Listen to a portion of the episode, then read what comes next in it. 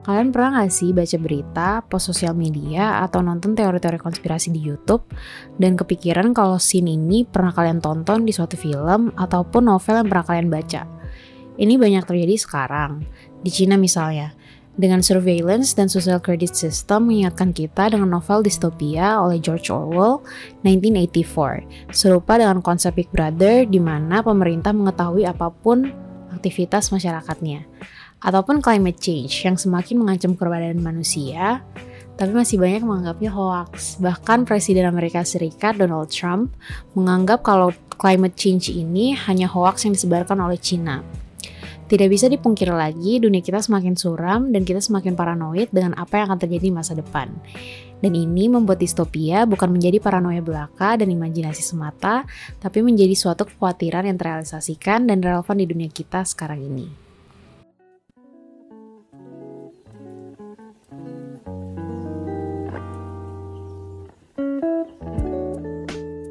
Hai guys, selamat datang di podcast Dunia Distopia dengan aku Cantik Putri. Di podcast ini kita akan membahas segala sesuatu tentang konsep distopia, dari teori-teorinya sampai karya-karya yang mengangkat latar belakang distopia, dari film, TV series, novel, karya musik, hingga kejadian-kejadian distopia yang terjadi di dunia nyata. Nah, di episode pertama ini kita akan membahas terlebih dahulu apa sih distopia itu, dari awal kemunculannya hingga tema-tema umum yang biasanya diangkat dalam karya fiksi distopia. Untuk memahami apa itu distopia, kita pertama harus mengenal dulu utopia. Utopia digambarkan sebagai suatu dunia yang ideal, tanpa kejahatan, kekerasan, dan kemiskinan. Konsep ini diprakarsai oleh Sir Thomas More pada buku berjudul Utopia yang dirilis tahun 1615. Dulunya, ada banyak peradaban dan pemerintahan yang memimpikan utopia. Namun seiring berjalannya waktu, dengan perang, opresi, wabah penyakit, kelaparan, ini memunculkan kritik terhadap janji-janji yang diumbar oleh genre di utopia sendiri terutama dengan terjadinya revolusi Prancis pada awal abad ke-19, di mana pemerintahan mulai condong totaliter dan fasis. Sehingga literatur-literatur distopia muncul sebagai tanggapan terhadap fiksi-fiksi utopis, dan mengeluarkan peringatan-peringatan baik untuk pembacanya maupun untuk pemerintah. Dengan memadukan unsur satir, dehumanization, pemerintahan otoriter atau tirani, ataupun bencana alam dan kejadian budaya sosial yang terus memperkeruh kehidupan masyarakat. Salah satu karya distopia yang paling awal adalah novel The Gulliver Travel oleh Jonathan Swift. Novel ini kemudian menjadi suatu blueprint dari fiksi genre distopia, mengikuti perjalanan Gullivers yang terdampar di suatu pulau di mana komunitasnya dapat dibilang komunitas utopis, namun terjadi banyak kejanggalan pembagian kelas, kehilangnya simpati dari masyarakat atas ke masyarakat bawah, dan seterusnya. Salah satu karya paling awal yang juga dianggap sebagai pelopor sastra distopia adalah Distopia Teknologi oleh Ian Forster dengan The Machine Stops di mana digambarkan bumi sudah tidak layak lagi ditinggali dan manusia harus tinggal di bawah tanah, di mana segala kebutuhan spiritual maupun kebutuhan fisik harus dipenuhi oleh omnipotent global machine. Setelah Forster dengan Machine Stop, lebih banyak literatur distopia yang muncul, terutama pada awal abad ke-20. Dengan terjadinya keresahan politik, perang dunia, krisis finansial, imperialisme dan penjajahan, membuat banyak penulis menuangkan keresahannya dalam bentuk novel fiksi. Salah satunya Jack London dengan novel Iron Hill pada tahun 1968 yang menjadi suatu ramalan akan tensi yang terjadi pada World War I ataupun Yevgeny Samyatin, seorang penulis Rusia dengan novelnya We, yang menggambarkan dunia di masa depan yang harmonis, tapi di bawah pemerintahan yang tot sangat totaliter. Dua karya awal ini diangkat sebagai salah satu pelopor dari satirical futuristic dystopia, dan menggambarkan bagaimana free will adalah alasan dari ketidakbahagiaan. Dan sebaiknya warga ataupun masyarakat harus dikendalikan oleh pemerintah. Buku-buku ini juga yang kemudian menginspirasi penulis-penulis besar dalam genre distopia seperti George Orwell dan juga Aldous Huxley. Konsep distopia ini juga bisa diangkat dari perspektif yang berbeda-beda. Jadi bukan cuma dari segi pemerintahan, tapi juga bisa dari segi ekonomi, lingkungan fisik, identitas, agama, hingga teknologi dan sains. Umumnya, konsep yang diangkat dari segi pemerintahan, di mana dipenuhi dengan pandangan pesimis tentang penguasa dan kaum elit, dan pemerintahan digambarkan sebagai sosok yang brutal atau tidak peduli sama sekali dengan masyarakatnya. Fiksi dengan pemerintahan ala distopia juga sering memiliki protagonis atau kelompok yang memimpin perlawanan terhadap pemerintahannya. Ini banyak dilihat dalam film-film seperti V for Vendetta karya Alan Moore, 1984, Divergent, The Hunger Games, dan masih banyak lagi. The Hunger Games misalnya, Katniss Everdeen yang awalnya berpartisipasi sebagai tribut dalam Hunger Games, pada akhirnya akan memimpin perlawanan terhadap Capitol dan Presiden Snow. Ini juga tema yang sama yang diangkat dalam buku When the Sleeper Wakes oleh H.G. Wells. Di mana tokoh utamanya Graham telah tertidur selama 203 tahun dan terbangun pada tahun 2100 di London yang berubah drastis. Ketika dia terbangun, dia menjadi orang terkaya di dunia atas manipulasi pemerintahan Graham nantinya akan memimpin revolusi terhadap pemerintahan. Dalam dua karya ini diangkat bagaimana pemerintah yang sosialis memanipulasi masyarakatnya dan terjadi pembagian kelas yang sangat jelas. Dan juga menceritakan perjalanan revolusi dan bagaimana kaum-kaum bawah melawan sistem itu sendiri. Umumnya dalam distopia juga terjadi pembagian kelas yang sangat jelas. Misalnya The Iron Hill di mana pemerintah menjadi brutal dan membentuk suatu oligarki di Amerika Serikat. Sehingga atas hasil monopoli ekonomi terbagi kelas-kelas sosial dan ekonomi yang sangat jelas. Masyarakat kelas bawah menjadi kelas buruh dan hanya bekerja kasar dan pihak-pihak mercenary akan menjadi kekuatan militer dari negara ataupun divergent, di mana masyarakat dibagi atas lima faksi, abnegation, amity, candor, dauntless, dan erudite.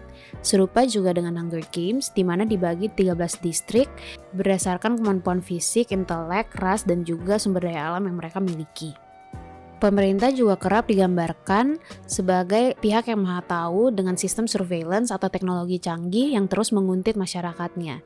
Seperti yang aku udah contohin di awal dengan George Orwell dan 1984, di mana Big Brother selalu mengetahui aktivitas apa pun yang dilakukan oleh masyarakatnya, ataupun film populer Watch Dogs di mana pemerintahannya mempunyai surveillance ke seluruh masyarakatnya. Bukan saja pemerintahan yang terlalu kuat, namun di beberapa distopia digambarkan pemerintahan kehilangan kekuatan. Pemerintahan ini juga sangat mengendalikan ekonomi. Misalnya Kurt Vonnegut dengan bukunya Piano Player, di mana sistem ekonomi yang dikendalikan oleh pusat memang membuat kelimpahan materi dan kekayaan. Tapi ini mengurangi masa manusia dari meaningful work dan hampir semua pekerjaan itu pekerjaan kasar yang tidak memuaskan. Di mana juga sebagian kecil dari masyarakat miskin dapat menerima pendidikan yang layak dan hanya kaum-kaum elit yang dapat merasakan kekayaan dari negara tersebut. Pemerintahan yang terlalu kuat juga digambarkan dalam dua buku populer dalam genre distopia, yaitu George Orwell 1984 dan Aldous Huxley Brave New World. 1984 mengikuti perjalanan dari Winston, karakter utamanya, yang tidak setuju dengan kondisi masyarakat dan kondisi pemerintahan zaman itu. Selain surveillance, ada juga pandangan-pandangan seperti perang nuklir yang akhirnya akan menghancurkan dunia, seks yang hanya diperbolehkan untuk reproduksi, hingga brainwash dari pemerintah yang dilakukan untuk memastikan bahwa semua masyarakatnya patuh akan pemerintahan. Sedangkan dalam Brave New World menggambarkan dunia futuristik dengan manusia hasil rekayasa biologis dengan strata sosial yang dibagi berdasarkan intelijen, alpha, beta, gamma. Dan berbeda dengan 1984, pemerintahan dalam Brave New World lebih menekankan pleasures seperti psychedelic dan seks untuk mengontrol masyarakatnya. Dalam dua dunia ini dan fiksi-fiksi distopia lainnya sering mempertanyakan satu hal, apakah kebebasan ataukah kebahagiaan yang harus dipilih oleh individu.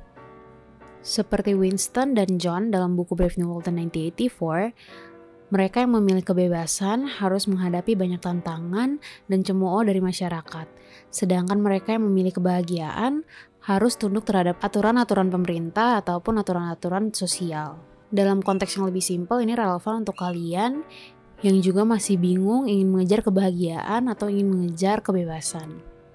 Apalagi fresh graduate yang lagi nyari kerjaan. Kalian pasti masih mempertimbangkan harus mengikuti passion, meskipun belum yakin gaji kalian bisa membayar kebutuhan sehari-hari atau enggak, atau mengingin cari pekerjaan yang bisa memberikan stabilitas finansial. Distopia selain juga menggambarkan bagaimana pemerintah sebagai sosok yang terlalu kuat, juga menggambarkan di mana pemerintah saking lemahnya, maka tugas-tugas dan tanggung jawab pemerintah ini diambil alih oleh perusahaan-perusahaan besar. Perusahaan-perusahaan ini lahir dari konsekuensi dari kapitalisme, di mana perusahaan yang dimiliki secara pribadi tidak bertanggung jawab atas perilaku-perilaku kotor. Mereka manipulasi, menyusup, mengontrol, dan pada akhirnya dapat mengambil ahli fungsi pemerintah. Ini terlihat dalam novel Jennifer Government dan Oryx and Craig, ataupun film-film seperti Alien, Avatar, Robocop, Visioneers, dan juga Wall-E. Takutan bahwa korporat juga bisa menguasai masyarakat juga mengalirkan subgenre dari distopia yang dikenal dengan cyberpunk dan karya-karya seperti Neil Stephenson Snow Crash dan karya Philip K. Dick dalam The Android Streams of Electric Sheep. Ini yang terjadi sekarang di mana kapitalisme membuahkan perusahaan-perusahaan besar yang sangat influential seperti Amazon, Google, Facebook, dan baru-baru ini kita dapat melihat Facebook mengecewakan penggunanya dengan terungkapnya kejadian Cambridge Analytica, di mana privasi pengguna dilanggar dan datanya kemudian diperjualbelikan. Selain membicarakan siapa yang paling berkuasa, pemerintah atau korporat, fiksi distopia juga mengangkat aspek-aspek sosial dalam masyarakat. Misalnya konsep keluarga, konsep agama, konsep identitas. Misalnya dalam Brave New World, di sini, konsep keluarga dianggap menjadi sesuatu yang aneh karena anak-anak direproduksi secara artifisial. Dalam buku ini, tokohnya Lenina yang mengandung secara natural terlalu malu untuk kembali ke London. Dan anaknya, John, ketika bertemu kembali dengan ayah biologisnya yang merupakan direktur dari World States, malah membuat direktur ini dicemooh dan ditertawakan.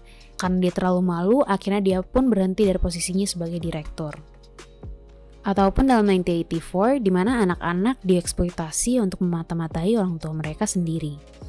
Ataupun dalam konsep identitas di mana lama-kelamaan tidak memiliki pendirian dan identitasnya sendiri, namun harus mengikuti apa yang dikatakan oleh pemerintah ataupun mayoritas dan sesuai dengan norma-norma sosial yang ada pada saat itu.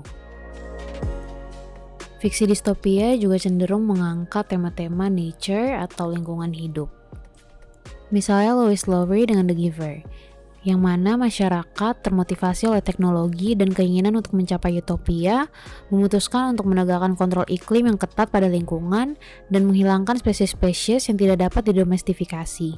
Ataupun sebaliknya, di mana alam telah rusak dan dipenuhi polusi, seperti The Matrix, Robocop, Soylent Green, dan masih banyak lagi. Tidak bisa kita pungkiri kalau kita juga memiliki ketakutan yang sama seperti dengan novel-novel ini, di mana dengan climate change, polusi plastik yang makin parah di lautan, dan juga polusi udara karena kebakaran ataupun kendaraan pribadi, membuat kondisi lingkungan sekarang semakin parah dan membutuhkan banyak perhatian dari kita semua. Selain dari itu, distopia juga sering bersinggungan dengan teknologi dan sains, di mana perkembangan teknologi dan sains ini dikhawatirkan menjadi pisau berbelah dua dan dapat merugikan manusia. Misalnya di Black Mirror, Terminator, The Matrix, kita melihat bahwa kecanggihan teknologi membuat artificial intelligence berbalik menyerang manusia, ataupun Planet of the Apes yang menggambarkan intelijensi dari primata dapat berbalik dan menjajah manusia atas eksploitasi alam yang dilakukannya selama ini. Bukan hanya itu, teknologi juga dapat mendorong aspek-aspek terburuk dari sifat-sifat manusia seperti yang kita lihat di Black Mirror. Sebenarnya masih ada banyak hal yang bisa kita bahas tentang distopia, mengingat ada banyak karya yang mengangkat latar belakang distopia di budaya populer. Nah, gimana? Kamu sendiri tertarik nggak untuk membahas distopia setelah mendengar episode yang pertama ini? Di episode-episode berikutnya, aku akan nge-review, nganalisis karya-karya lainnya, dan juga memperbincangkan kejadian yang terjadi di nyata yang relevan terhadap karya-karya tersebut. Jangan lupa untuk subscribe ke Dunia Distopia untuk mengikuti episode-episode berikutnya. Dunia Distopia merupakan bagian dari Waves, platform untuk audio dari podcast, audiobook, sampai audio learning dalam bahasa Inggris dan bahasa lokal di Asia Tenggara. Makasih, see you later.